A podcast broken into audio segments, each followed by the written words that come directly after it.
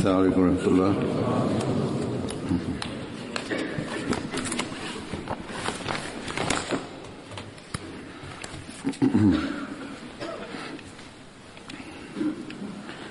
أشهد أن لا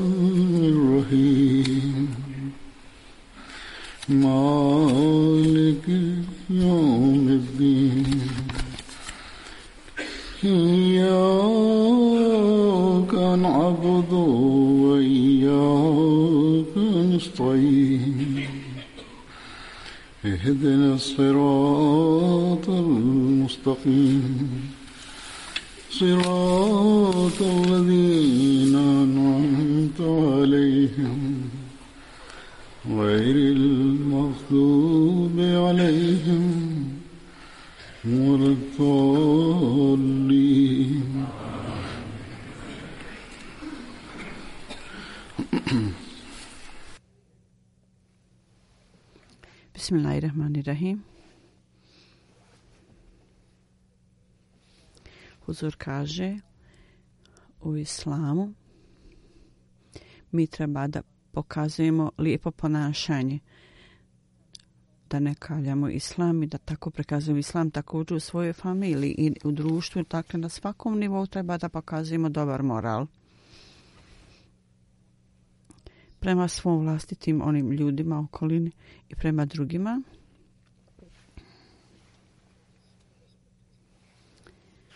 I časni poslanik je to objasnio i da nijedan aspekt nije ostao izostavljen. Nijedna religija, ova, nijednoj religiji ovaj primjet nije tako detaljno uh, objašnjen i spomenut. Međutim, nažalost, muslimani su ti koji s ove tačke gledišta općenito govoreći su na najnižem nivou, smatraju da su na najnižem nivou. Nemuslimani podižu prst protiv njih i poka ukazuju na njihove postupke da što god oni kažu i rade, da njihovi postupci su protivno onome što govore da vjeruju da je vjera časnih poslanik kroz svoje postupke i o nekoliko raznih prilika, ponavljajući je stalno, pokazivao visoki standard ponašanja i također isticao važnost toga svojim sedbenicima. Muslimani općenito tvrde da imaju ljubav prema časnom poslaniku, međutim, govor časnog poslanika i njegov plemeniti primjer oni se o, skoro uopšte ne drži toga. Njihovo držanje zanemarivo. I bilo je suđeno da se ova stvar dogodi i Allah je zato poslao bačanog misija ali i salama radi reforme, radi popravljanja. Ovi ljudi negiraju obećanog mesa i odbiju bilo kako pažnje da obrati na to, nego zapravo u svom suprostavljanju na nekim mjestima ili u nekim zemljama – su dostigli najvišu moguću tačku tog suprotstavljanja. Da ostavimo unazad u, u stranu obični moral i, i na, načine ponašanja, etikete, oni su zapravo niži od ljudi koji je poznat po svom karakteru i koji koriste vrlo loš jezik protiv obećanog Mesija, ali islama i njegovih sledbenika i oni također podnose posljedice toga.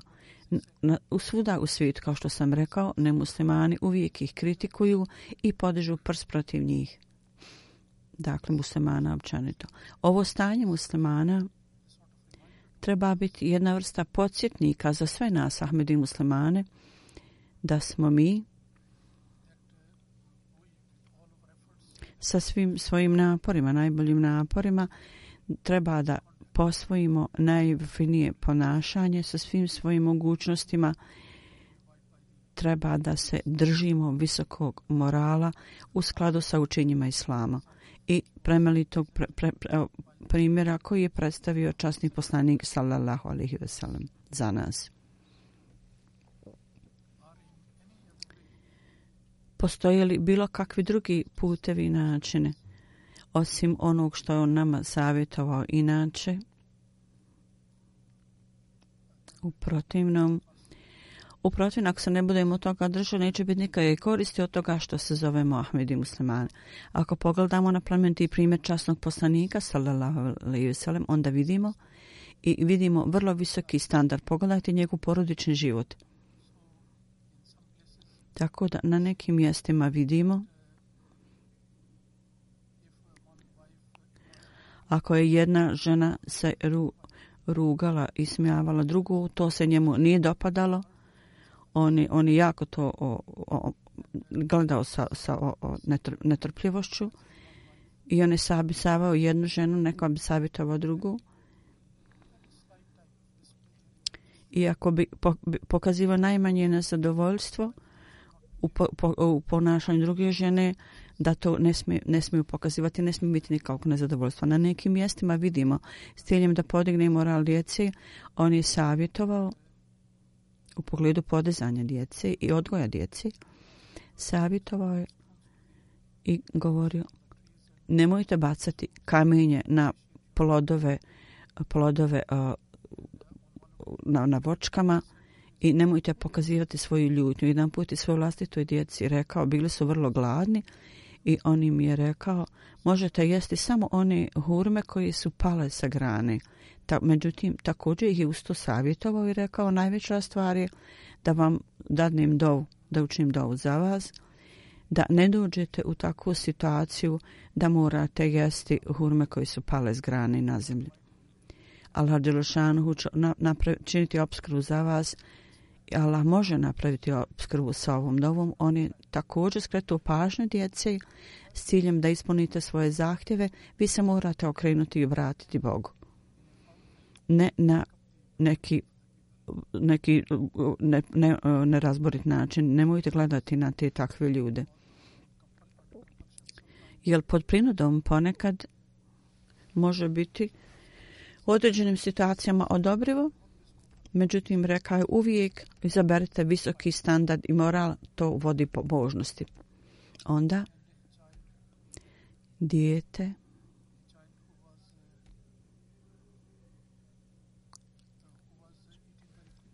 koji je brzo jelo i kretao se i, i na, na oko, oko tanjira je on je rekao djetetu prvo reci bismillah i jedi desnom rukom i jedi ono što je ispred tebe. Tako u obuci djeci treba biti to takav način obavljeno da dobar moral, da oni rastu s tim dobrim moralom i, i da onda uvide šta je grih.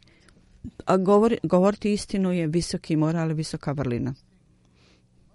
Ova stvar mora biti usađena u srcima djece u djetinstvu.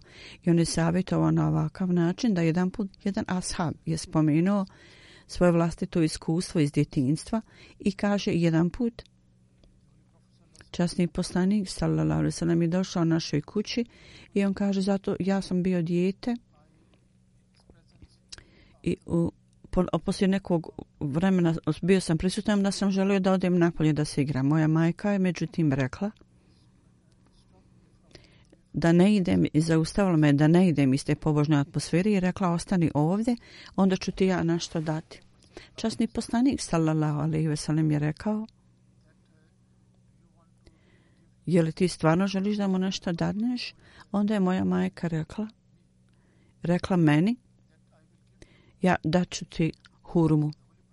Tako da je časni poslanik rekao ako nisi imala uistinu takvu namjeru da mu dadneš, a samo pozvati dijete i dajete mu, da mu daš, date mu lažnu nadu, onda bi to bio grijeh sa, sa tvoje strane. Dakle, ovo dijete, iako je dijete, ovo postaje vrlo jasno iz ovoga da uvijek moramo govoriti istinu i ovaj čovjek je zapamtio tu stvar i, e, i, i to prenio poslije kad je odrastao i rekao je ovo je nešto za mene, za mene bilo vrlo važno i rekao je nekome ako ne možeš napustiti, časni poslanik je rekao, ako ne možeš napustiti sve poroke, barem napustite laž.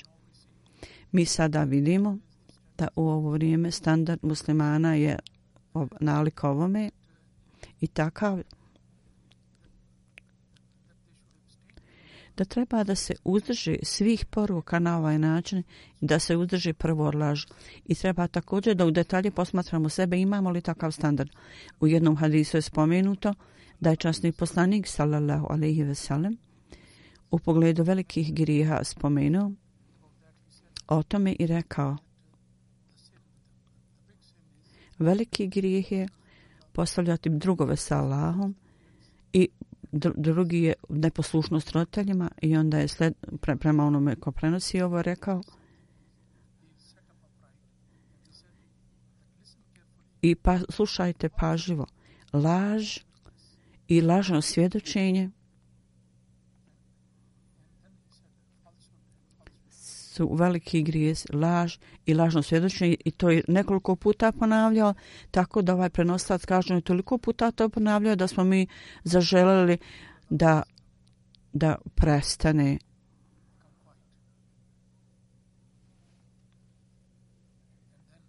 I onda mi također vidimo pokazivanje dobrog karaktera časnog postanika, njegova izdrživost i strpljenje i ustrajnost i kako je on savjetovao da, e, da, da se tako toga držimo. Jedan beduin je, jedan beduin je ovaj, izvršio malu nuždu u džami i oni su oskočili prema njemu, on je rekao ne, pustite ga. Gdje god je on, on ona, izvršio malu nuždu, doneste vodu i to očistite. I rekao je,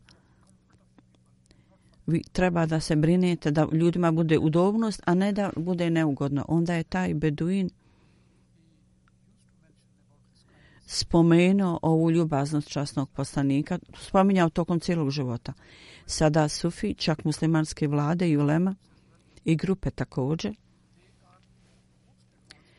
oni su najviše otišli u tome da stvaraju nezadovoljstvo i neudobnost ljudi, oni, oni ne opraštaju čak ni male stvari. Na jednom mjestu časni poslanik je rekao, ako hoćete da iznađete, da vidite, da li radite nešto loše ili radite nešto dobro, onda pogledajte na svoje komšije i pitajte svoje komšije šta misle o vama. Onda je rekao službenicima, vaš dobar moral će biti određen onda kad budete sebe smatrali slugom cijele nacije, cijelog naroda i svim svojim mogućnostima budete predani služenju ljudima. Gdje mi nalazimo u ovo vrijeme ove standarde? Kod naših službenika i kod drugih ljudi, da li to vidimo? Zato džemat, službenici džemata moraju posvetiti pažnju na ove stvari. I posvetiti pažnju ovim stvarima. Onda, kad je imao svu moć i vlast i kad je bila pobjeda Arapa svuda okolo, onda vidimo standard njegovog dobrog morala. U vrijeme pobjede nad Mekeom, dobar moral, on je pokazao sve ove stvari. Da je on je oprostio svim neprijateljima, čak onim neprijateljima koji su bili žedni krvi i koji su ga neprestano proganjali. I upravo ovaj oproštaj, oprost, postao je povod i uzrok da su mnogi od njih primili islam. Časni poslanik sallallahu alejhi ve sellem. Visoki standard koji on pokazao i postavio visoki standard morala spomenjući to obećano mi se Ali salam kaže na jednom mjestu. Allah najuzvišeniji i vrhovni, obraćajući se časnim poslanikom je rekao, to jest u prevodu, ti si čvrsto utemeljen na vrlo visokom moralnom standardu. Značenje toga je da sve vrste morala, možda velikodušnost, srčanosti, hrabrosti, i čestitosti, dobrotvornosti, isto istinoljubivosti i također strpljenju. To jest da kažemo strpljenje da izdrži neke stvari. Sve ove stvari su bile prisutne u njegovom vladanju. Ukratko, sve moći i sva namjere i pažnja koji se osoba može u svom srcu njegovo iskrenost, poniznost, ljubaznost – i da osjećaj časti i ustrajnost i čistoća, čestitost, modere, umjerenost, dobro ponašanje jedan prema drugom i velikodušnost i oprost, oprostivost, strpljenje, dobrotvornost i istinoljubivost i odanost i tako dalje. Sve su ove prirodne, prirodna stanja i sve ove stvari su trebaju biti pokazane u prikladno vrijeme na prokladan način. Oni su, on je časnije poslije pokazao. To je sve dobar moral. Dakle, činjenica je da prirodno stanje ljudskih bića i ovaj osjećaj osobe i oni se zovu moral onda kad se koriste u prikladno vrijeme namjerno, voljno da ljudi pokazavaju, a ne na način nekad, nekakve namjere ili prinude, nego sve dobre navike budu učinjene tako da bude dobar rezultat toga s tom namjerom ponekad treba da da bude zadana neka, nekad kazna tak i kazna treba da bude za ovu svrhu da izađe, proizađe dobar rezultat iz toga.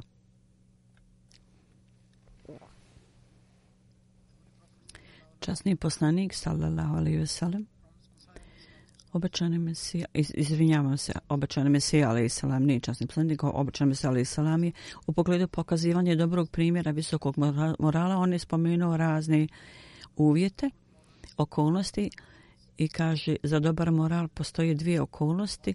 Jedna je kad je čovjek u kušnji, a druga je kad je u stiski. Kad ste u teškoći. Kad je čovjek u teškoći. Kad ste i kad ste uticajni i imućni i znači i kad ste u nekoj nevolji, u nedaći. Strpljenje čovjek pokazuje vrlinu za, da pokazuje dovoljstvo Allahu kad čak i u tim okolnostima to je odlika i kad i kad ste na, na, imate neku ovlast onda da pokazujete skromnost i pravda kad utemeljite prav, budete utemeljivali pravdu onda onda se može, može, mogu ljudi reći da imate dobro moralo rade. Dakle, oba dve ova, ovi uvjeti su bili kod našeg poslanika i on je vrlo jasno istaknuto pokazao visok moral u svim tim okolnostima. Kao što sam ranije spomenuo, Huzur kaže kako je prilikom pobjede u Meki čak i najvećim neprijateljima oprostio. I on kaže uvijek morali, moral može biti pokazan na dva načina – ili u položaju kušnje ili u položaju kad ste imućni i uticajni. Ako ove stvari nisu tu, onda čovjek ne može da iznađe ili, ili, jel dobrog morala radi dobro stvari ne. Ho, ho, čas, Allah hoće da uporedi da, po, da Allah je htio da pokaže dobar moral časnog poslanika, neke stvari se dogodile u Mekke, neke u Medini, kada je stradao od, od ranih proganjanja u, Me, u Meki, oni, oni su pokazali najviši stepen okrutnosti, međutim oni pokazao ljubaznost naspram njih i strpljenje.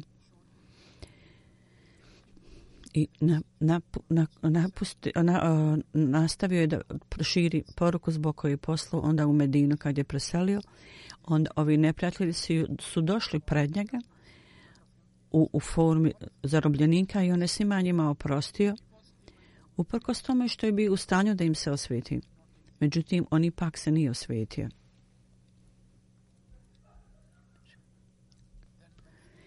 Onda, spomenjući dalje njegov moral, moral časnog poslanika, obećan mi se ja kaže, slušajte vrlo pažljivo ove stvari. Većina ljudi, ja sam vidio, i proučavio sam u detalje, Neki ljudi pokazuju velikodušnost, međutim, oni su također se brzo naljute. Vrlo su velikodušni, pomažu ljudima, međutim, ponekad se vrlo brzo naljute i nad vrlo malim stvarima se naljute i onda ne, daju neka ljudima nešto, onda to spominju da su tom i tom učinili naklonost i neki ljudi su vrlo mehkog srca, ali su škrti. I ponekad povrijede ljude svojom ljutnjom, međutim umjerenost i ravnoteža nisu prisutni kod tih ljudi i nema poniznosti. Ponekad oni imaju poniznost, opet ali nemaju hrabrosti. I kad dođe neka prilika na, na sitnim stvarima, oni pokazuju kukavičluk. On je rekao svaka osoba nije uvijek na najvišem nivou dobrog morala, međutim ova stvar je također tu da osoba ne treba da bude potpuna udaljena od tog. Zatim spomenući časnog poslanika, obično se je rekao, najsavršeniji primjer je bio primjer časnog poslanika, sallallahu veselem, njegov primjer je najbolji. On je bio savršen u svom svakom dobrom moralu i zato Allah Đelešanu spomenuo, to jest u prevodu, ti si najvišeg moralnog standarda, Allah je tako rekao časnom poslaniku. I u vrijeme teškoće on je pokazao dobar moral prikladno i pokazao je strpljenje. I, i ljudi su iznenađeni kad to vidimo. Onda kad je dobio vlast u cijeloj Arabiji, onda svi ljudi koji su ga proganjali, on je svima njima oprostio. Tako da ovo su visoki standardi dobrog morala koji u svakoj situaciji ovo mora biti, mora biti pokazani, svi, svi muslimani, sedmi časno poslanika moraju pokazivati takav moral i trebaju to uvijek imati pred sobom i pokazivati takav moral. U pogledu toga, obećane Mesija Ale Isala, kako je on nas uputio, on kaže, spominjući o moralu časnog poslanika, on kaže na jednom mjestu, ovaj dobar moral njegov je bio takav je ljude učinio da budu puni hvali i da on njima pokazao čudo time. On, on kaže, ako vi slijedite ovaj plemeniti primjer i zaista budete imali dobar moral i budete koristili svaku sposobnost u prikladno vrijeme, onda ćete i vi postati ljudi koji pokazuju drugima čudo. I on kaže, Izvanredna stvar je da ljudi ponekad iznose neke izgovore i nastoje da to nekako pobiju od bace. Međutim, čudno pokazivanje ono što niko ne može kritikovati i ovaj razlog da je naš učitelj, častni poslanik, sallallahu alaihi veselem, imao dobar moral što je najveće čudo koje je njemu dato. Prevodu ovo znači reci, iako sva čuda koje je pokazao časni poslanik, dok su bili najbolji u poraženju s drugim, poslan, drugim poslanicima, međutim, moral časnog poslanika, e, čudo mora, moralnosti i morala su bili na najvišim nivou i ne nalazimo takav primjer u istoriji. I on kaže svaka osoba koja napusti svoj dobar moral, koja zapravo napusti loše vladanje, loše ponašanje i prihvati dobar moral i dobre odlike, za njega je to čudo.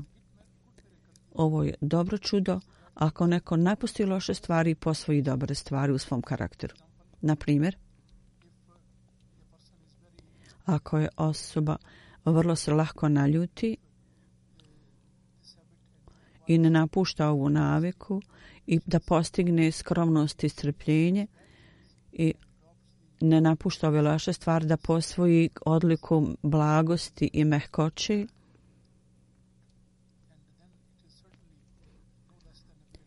O, ako, ako osoba u, u, to uspije i promijeni sve loše dobro, to je ništa manje nego čudo. Ako osoba napusti sve to i postigne odliku mehkoće, ili napustiš škrtost i umjesto da povlači svoju ruku, da pokazuje ljubaznost ljudima, o, ova promjena koju on napravio nije ništa manje nego čudo i to pokazuje rezultat. Ako osoba e, vrlo, voli da se, da, ga, da se hvali i umjesto toga on posvoji skromnost i, ba, i, i blagost i mekoću, to je također čudo. Hvaliti sebe ili da ga drugi ljudi hvale. Ako napusti čovjek to i prihvati, posvoji mir, skromnost, to je onda čudo i umjerenost. Za, nik, za, za svako ne želi da postane ču, osoba čuda i, i, i morala. Svako želi to. Ovo je stvar koju treba da uradite, da i popravite svoj moralni karakter i ovo je čudo i vrhunac toga je uvijek tu. Korist toga je uvijek tu i musliman treba uvijek nastati da postane osoba dobrog morala i, i, i da pokazuje prema svim ljudima.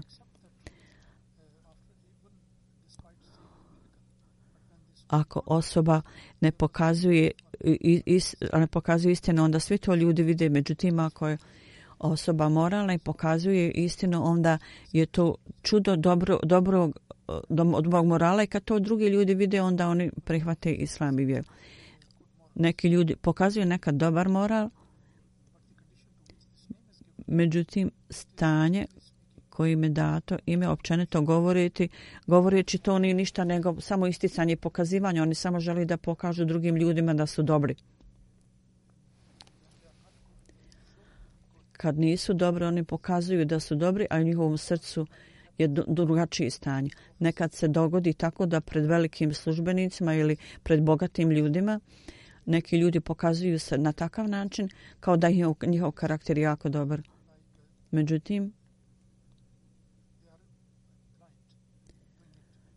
o, oni, oni e, kao da su slijepi, oni pokazuju to kao da su drugi ljudi slijepi. Dakle, učenje Islama nije takvo jer ovo nisu, vi treba da pokazujete istinski moral is, u islamu. Istinski moral je da iz dujne svog srca pokazujete nešto ako imate ljubaznost, ako osjećate stvari u srcu, ako pokazujete nešto drugo, opisujući to o jednoj prilici, on je rekao dvije su vrste morala. Jedan je onaj koji novo obrazovani ljudi pokazuju na skupovima oni hvale ljude svojim jezikom, međutim imaju dvo, međutim oni su oni su dvostrukog morala. I drugi primjer morala je da koji ljudi pokazuju sa iskrenošću i, i ne, nema nikakvog osjećanja želje za pokazivanje kao što Allah Đelešanu kaže ovo je savršen način da to radite, da utemeljite pravdu i provodite pravdu i spomenjite ono što je stvarnost istina, a gdje, po, gdje je prilika i potreba da pokazujete naklonost nekom da pokazujete i da pokazujete tako dobar moral ljudima kao što majka pokazuje svojoj djeci ili ili rodbina pokazuje rodbine. Ovo je način i ovo je put i sve je ovo prisutno u poruci Islama, onaj ko se okreće od, od toga on ne može naći nikakav drugi put. Ovo učenje je netaknuto i zahtjeva čistoću srca. Oni ljudi koji su daleko od toga i kad pogledamo dublje, vidjet ćete ove ljude, naćete ove ljude, jer zato je potrebno čistotna znači čistoća srca. Zato treba da slijedite putem, put pokornosti Allahu.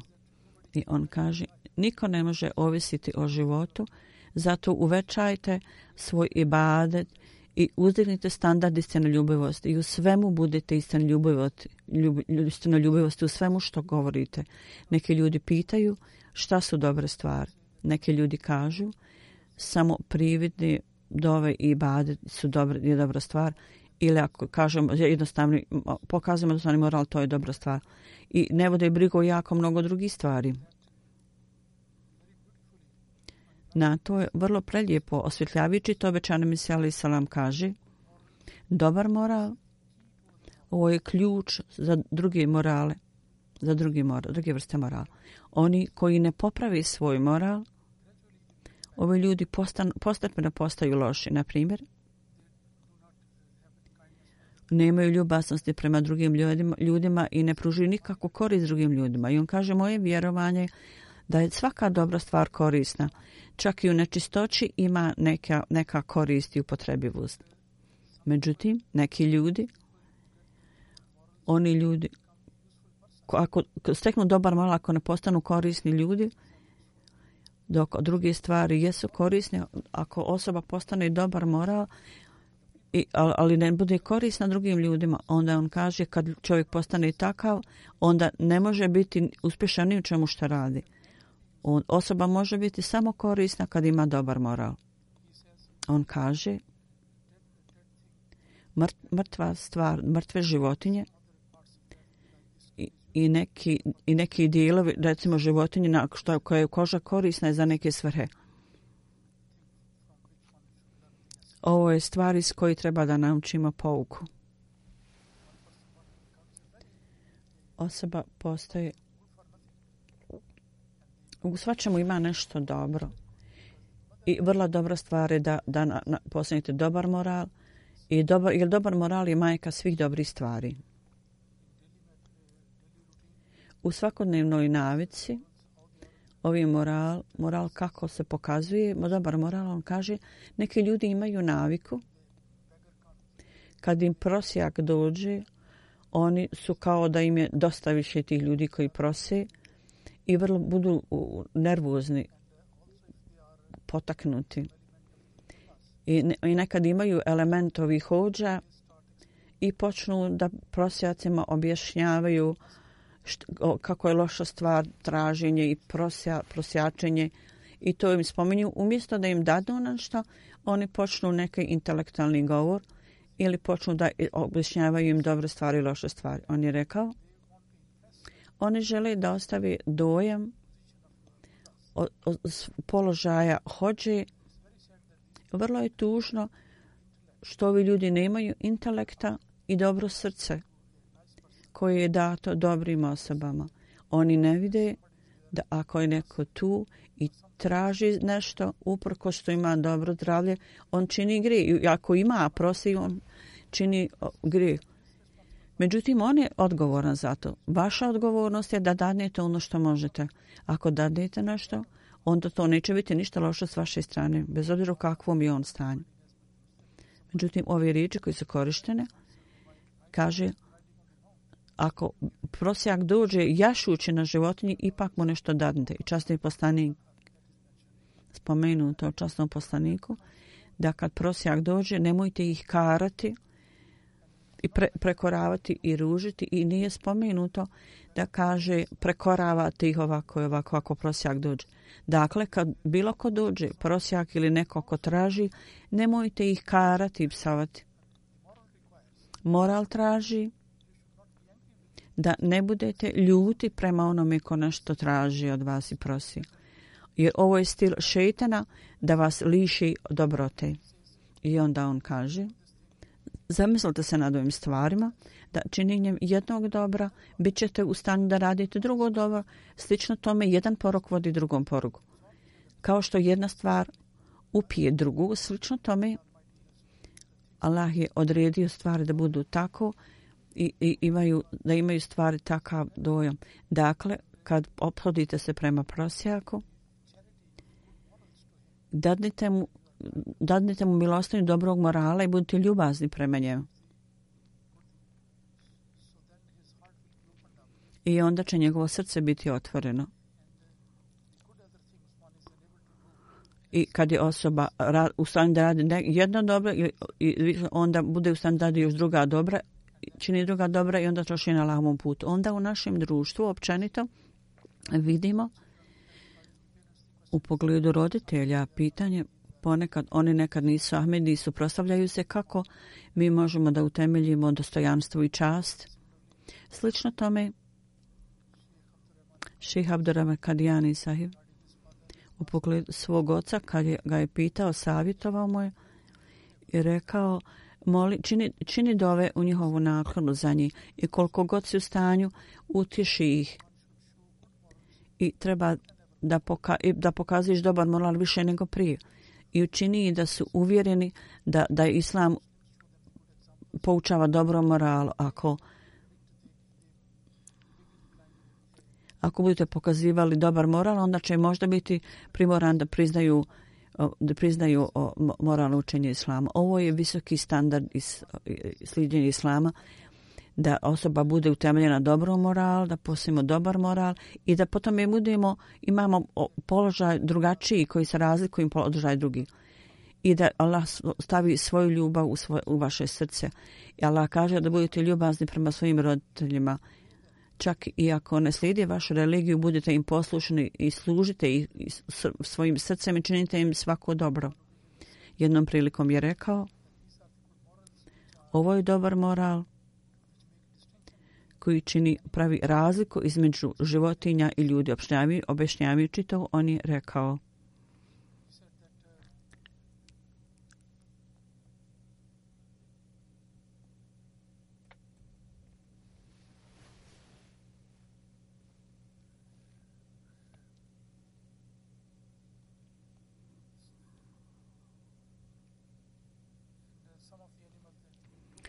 na primjer neke životinje jedu previše i onda povraćaju. I e, kako kako treba da to bude urađeno i šta? Koja je količina hrane koju treba da jedu? Oni oni ne pravi razliku i o, o čemu sad daje pri, primjer psa. On pre, pretjera previše jede i onda povraća. I nas, nastavi jesti ne zna mjeru da povraća. Mi vidimo da neki ljudi su takvi njihova pohlepa se ne završava nemaju i kraja i na, na dozvoljene i nedozvoljene načine oni žele da zgrabi hranu ili metak ljudi i da to pro, prožderu i slično dome životinje nemaju, ne znaju razliku između dozvoljenog i nedozvoljenog jer ne znaju razliku između tog koju stvar mogu uzeti, a koju ne. I do koje mjere to trebamo uzeti? Kroz dozvoljena sredstva – da dobijemo, da uzmemo te stvari na, dozvol, na dozvoljen način, a ne da samo napunimo svoje riznice i poko, džepove, nego treba da razumijemo te stvari. Druga stvar je da životinje ne, ne pravi razliku, ne znaju razliku između dozvoljenog i nedozvoljenog. I kaže magarac, on ne razlikuje je li to polje livada komšije ili njegovog gazde on tamo pase na polju i onda ide u polje komšina. Slično tome, bilo koja druga osoba koja ne pravi razliku o ovome, šta je dozvoljeno, šta nije, i ovi ljudi koji uh, krše pravila moralnog ponašanja, oni nisu ljudska bića. I u pogledu koncepta čistoće, oni jedu one stvari koje su nečiste, nečiste i kad daje primjer toga i re, kaže izjedanje i metka siročeta one ne pravi ne, nikakvu razliku ne osjećaju stid ako to čine da jedu i metak siročeta kao kad, kad bi Ka, ako trava bude stavljena pred siročom, neće uzeti. Ako bude stavljena pred kravu, naravno krava će to pojesti bez ikakve rezerve. Slično tome, Neki ljudi izjedaju imetak siročeta bez, bez ikakvog ustezanja. Ovakvo je stanje nekih ljudi. Oni će završiti u džehennemu. Ovi ljudi izjedaju, izjedaju nezakonito, nezakonito stvari, tuđe stvari završit u džennetu. On kaže dva su aspekta. Jedan je vel, ahova veličanstvenost, a druga je naspram toga, to je naspram dobrog, dobrih morala jedna je ljubav, jedan moral je ljubaznost prema drugim ljudima, a drugo je protiv toga, to nije dobar moral raditi protiv toga. Dakle, ako ispunimo zahtjeve Allahove, ako ne slušamo Allahove naredbe i ne činimo i i ne vraćamo se Allah, onda to nije dobar moral. Ako ne ispunjavate dužnosti prema ljudima i izjedate njihovi imetak, nezakonito i nedozvoljeno ili pokazujete neko loše vladanje, onda je to nešto također protiv dobrog morala. Kaže, vrlo je tužno da je mali broj ljudi koji ispunjavaju i razmišljaju se na stvarnoj stvari svog života. Jedna slabost je oholost koja lišava osobu od dobro, dobrote. I on postaje primavac Allahove srđbe. On kaže, Sufi kaže, loš, loš primjer pokazuje jako mnogo stvari i lako mnogo primjera lošeg karaktera. Kao da džin izlazi, zadnja stvar kroz koji se džin pokazuje je oholost i to je u, to je u srcu kad se nalazi u srcu osobe. Neki ljudi izjedaju imetak drugih ljudi, međutim i oni imaju oholost u sebi. Treba da nastojite da izbignete najmanje načine oholosti. Ponekad, je to, ponekad su ljudi oholi zbog imetka i bogat čovjek bude ohol i kaže drugim ljudima ko se ovi ko se mogu nadmetati sa mnom. Ponekad je oholo zbog porodice, zbog porodičnih odnosa i rodbine i oni se hvale da pripadaju toj i toj rasi. Ponekad je oholost kao rezultat znanja i nekada osoba kaže lošu stvar i plače nad tim i nije u stanju da jednu jedinu stvar kaže ispravno. Dakle, ima raznih oblika oholosti i ponosta i sve ove stvari lišavaju čovjeka dobrog morala. I također i također uzdržavanje, ne budemo korisni ljudima, treba da, se, da izbjegavate, to morate biti korisni ljudima. Nikome nije data moć dobrog morala, nego Allah nas je osposobio da činimo dobre stvari i da molimo njega da nam pomogne u tom.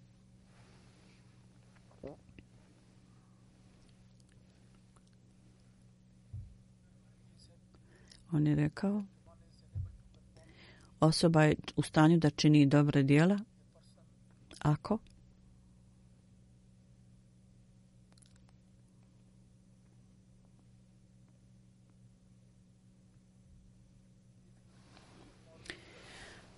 ako ne napustite dobar moral. Jer ako napustite dobar moral, to, moral, to onda grih. Onda sposobnost da činite dobra djela bude otklonjeno od vas. Na primjer, nekad osoba čini koji čini preljubu ne zna kakvu povredu čini ženi svojoj a da osjeća ta, da zna kako se to osjeća i da ih ima on ne bi počinio ovu strašnu stvar i kad bi takva osoba znala kao rezultat ovaj lošeg njegovog postupka kakve vrste posljedica će to donijeti ljudima onda bi on to napustio. I on kaže ako osoba krade i metak tuđi drugi ljudi. I osoba, on čovjek onda to ne zna. I uveče čak ako ukrade hranu od siromašne osobe, ponekad to vidimo da neki siromašni ljudi štede pare mnogo godina i onda ih neko porobi pokrade im to. I on kaže sada, kad bi ovi ljudi uvidjeli stanje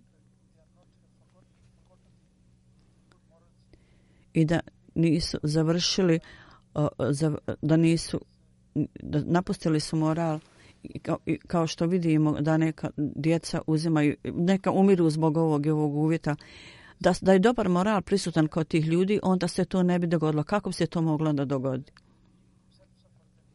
Ako čovjek sam pati od nečega, onda to zna. Međutim, ako čovjek nema morala, onda nema osjećanja, ako nema straha od Boga, samo onda se takve stvari događaju. I ovako je stanje, nažalost, svijeta i ako u čovjeku nema humanosti, o, niko ne bi tako radio sam ono ko nema humanosti. Onda bi članove, članove zajednice kaže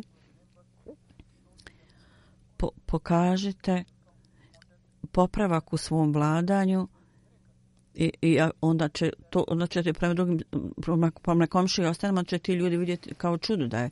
Onda neki ljudi kritijujući džemat, zajednicu i pojedince oni ne znaju kako, će se, kako ćemo mi napraviti napredak i oni kažu kakav, kakav je džemat napredak napravio i oni iznose krivnju i jako su ljuti o nama zbog nas, na nas. I ova optužba je također iznesena da mi smo ljuti. Zar ovo nije razlog da se ovi ljudi pokaju, da ljudi dolaze u zajednicu smatrujući da je ispravna? Kao osoba koja čini ovaj vrstu stvari, kao da sin koji okalja oca, jer osoba koja dođe dadne zavid bajata, on je kao sin. Svi vi koji ste došli u, u, u zajednicu, vi ste kao sinovi. Ovi optužbe koje ljudi iznose uopšte nije istina. Jer nebeski otac dovodi ljudi ovde, međutim, svjetovni otac dovodi ljude u džehennem, a duhovni otac i nebeski otac ljude uvodi u zajednicu i on je najviši hoće li onda, treba li onda da, ili u da onda ti ljudi okolo i, i nanose loše ime i kaljaju svoju, svoju porodcu i džemat, na primjer, koji su ušli. Ne, niko ne treba da bude takav. Ja znam da niko nije takav. Nego, ne mora, samo nemoralan sin tako, tako radi i kalja svoj roditelj. I ljudi onda iznose krivnju na oca, međutim, on je sin takvog oca. I taj nemoralni sin onda postaje sredstvo kaljanja oca. Slično tome oni koji pridružuju se zajednici i ne vode računa o veličanstvenosti i častnosti ugledu na zajednici, onda je on zaslužuje da bude pitan i pi, bit će pitano da Allah i ne stavlja sebe ograničenje takva osoba, nego zapravo bude loš primjer za druge ljude i onda ljudi kad vidi takav primjer udaj, udalje se od zajednice i nikad više ne ulaze i on će biti lišen svih blagoslova koji su za one koji se pridruže zajednici. Dakle, koliko god možete, koliko god ste u stanju, činite dobre stvari, nastojite da uklonite sve slabosti sa svim, svim mogućim naporima. Kad niste u stanju to raditi, onda dignite ruke i molite Allaha, jer ruke koji su predane s predanošću Allahu ne budu vraćene prazne, Allah ih ne vrati prazne. Mi smo vidjeli, imamo iskustvo da je hiljadu, hiljadu dova primljeno. On kaže ovo je nešto sigurno. Ako osoba nema osjećanja prema drugim ljudima, onda je on škrta osoba. I ako nema ljubaznosti, onda je također škrta osoba ako ja vidim ove stvari, ako vidim nešto dobro, onda je moja dužnost da to svakom kažem da je to dobro. Ne, moj, mojte se brinuti da ljudi slušaju to ili ne. I onda...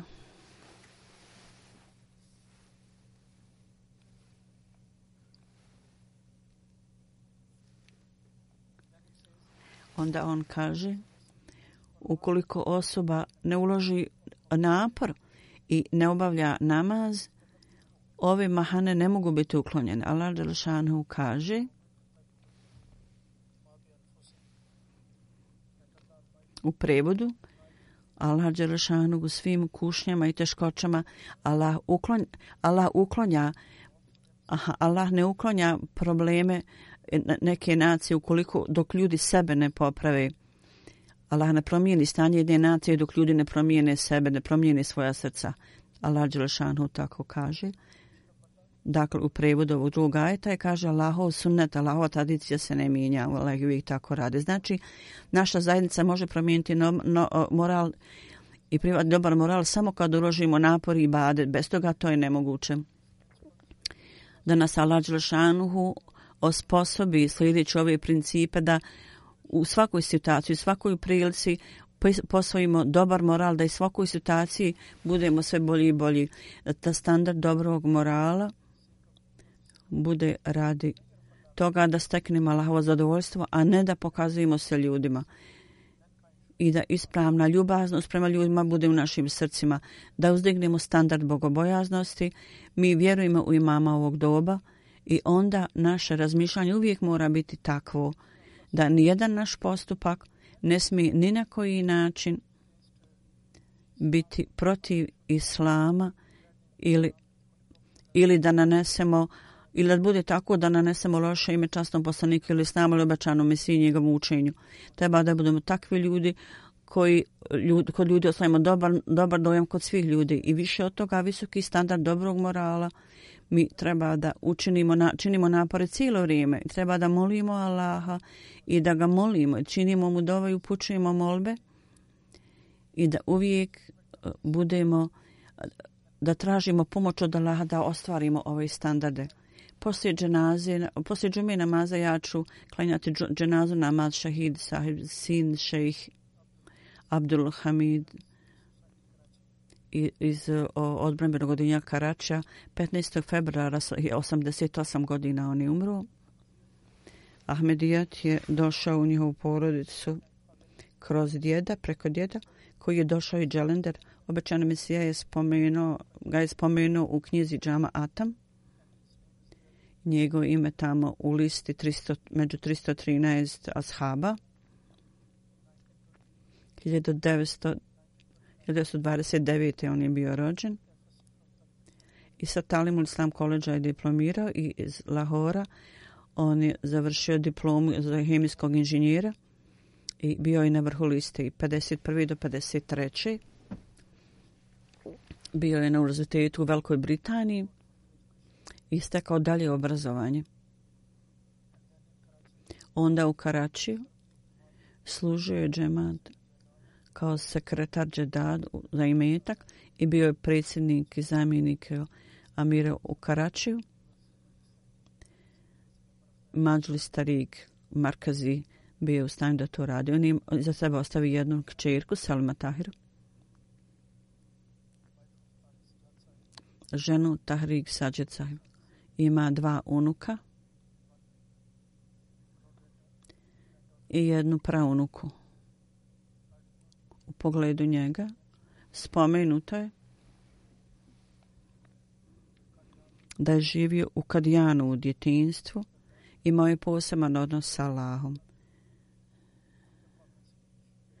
Jedan put nije uradio dobro, dobro ispit za englesko i kad dolazi u, u džamiju, šejih šejih Haris Ali, Ali Saib iz, iz džamije i pitao ga je o ispitu, on je rekao da nije dobro uradio.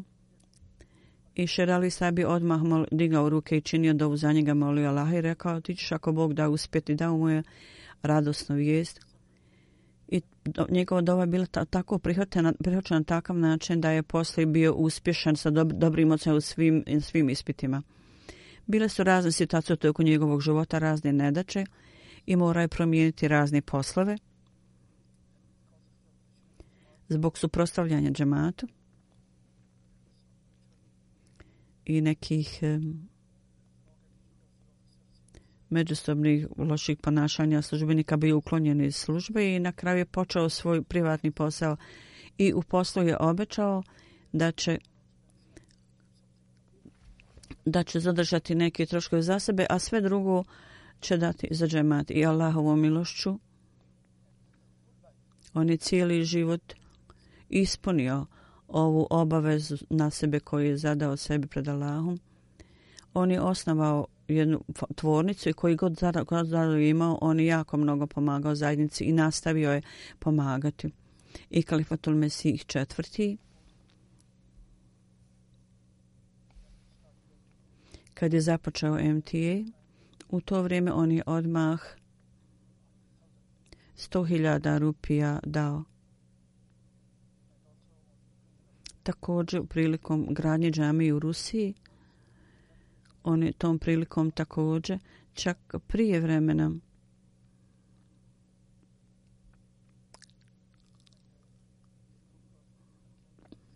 jedna grupa je došla Klifatom Mesih četvrtom i razgovarali su u toku razgovora bez ikakvog traženja i molbe. Privatni sekretar je rekao Huzuru da je šejh Saab dao vrlo veliki iznos bez ikakvog apela i traženja. Tako da Hazreti Kafatul Mesih IV. izrazio veliko zadovoljstvo i, ho, i pohvalio ga tom prilikom. Imam Rabi Sab kaže...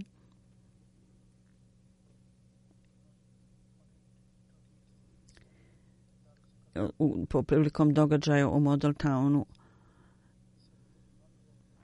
i kaže jedan dan ja sam tamo otišao u uveče i vidio sam sekretar za, za, za, uh, za mal, mal to, o, o parama koji vodi računal i kaže vidio sam da on stavlja 000 ja sam pitao šta je to šta znači te nule? Šejh sahib je dao stotine hiljada rupija i također za objavljivanje časnog Kurana. Ogromno iznos je dao i platio i dao je također u ime drugih ljudi. On je živio vrlo skromnim životom. Nikad nije izgledalo da je on osoba, njegov način života nije bio takav da, da je izgledao da je on takva osoba koja ima dvije tvornice. Sve što je imao, on je bio jednostavnim životom, a sve i za troškove familije ostalo je sve dao za džemat i dao je ovu oporuku na kraju da sam njegovi metak pripada zajednici. Da Allah Đelešanhu blagoslovi ga i oprosti mu i uzdigne njegov položaj i da njegov unuk i praunuka i čerka i sva rodbina da im Allah dadne strpljenje da podnese ovaj gubitak i osposobi ih da ga slijede u njegovom dobrom primjeru. Poslije džume ja ću klanjati dženazu namaz za umrlog čije je tijelo odsutno.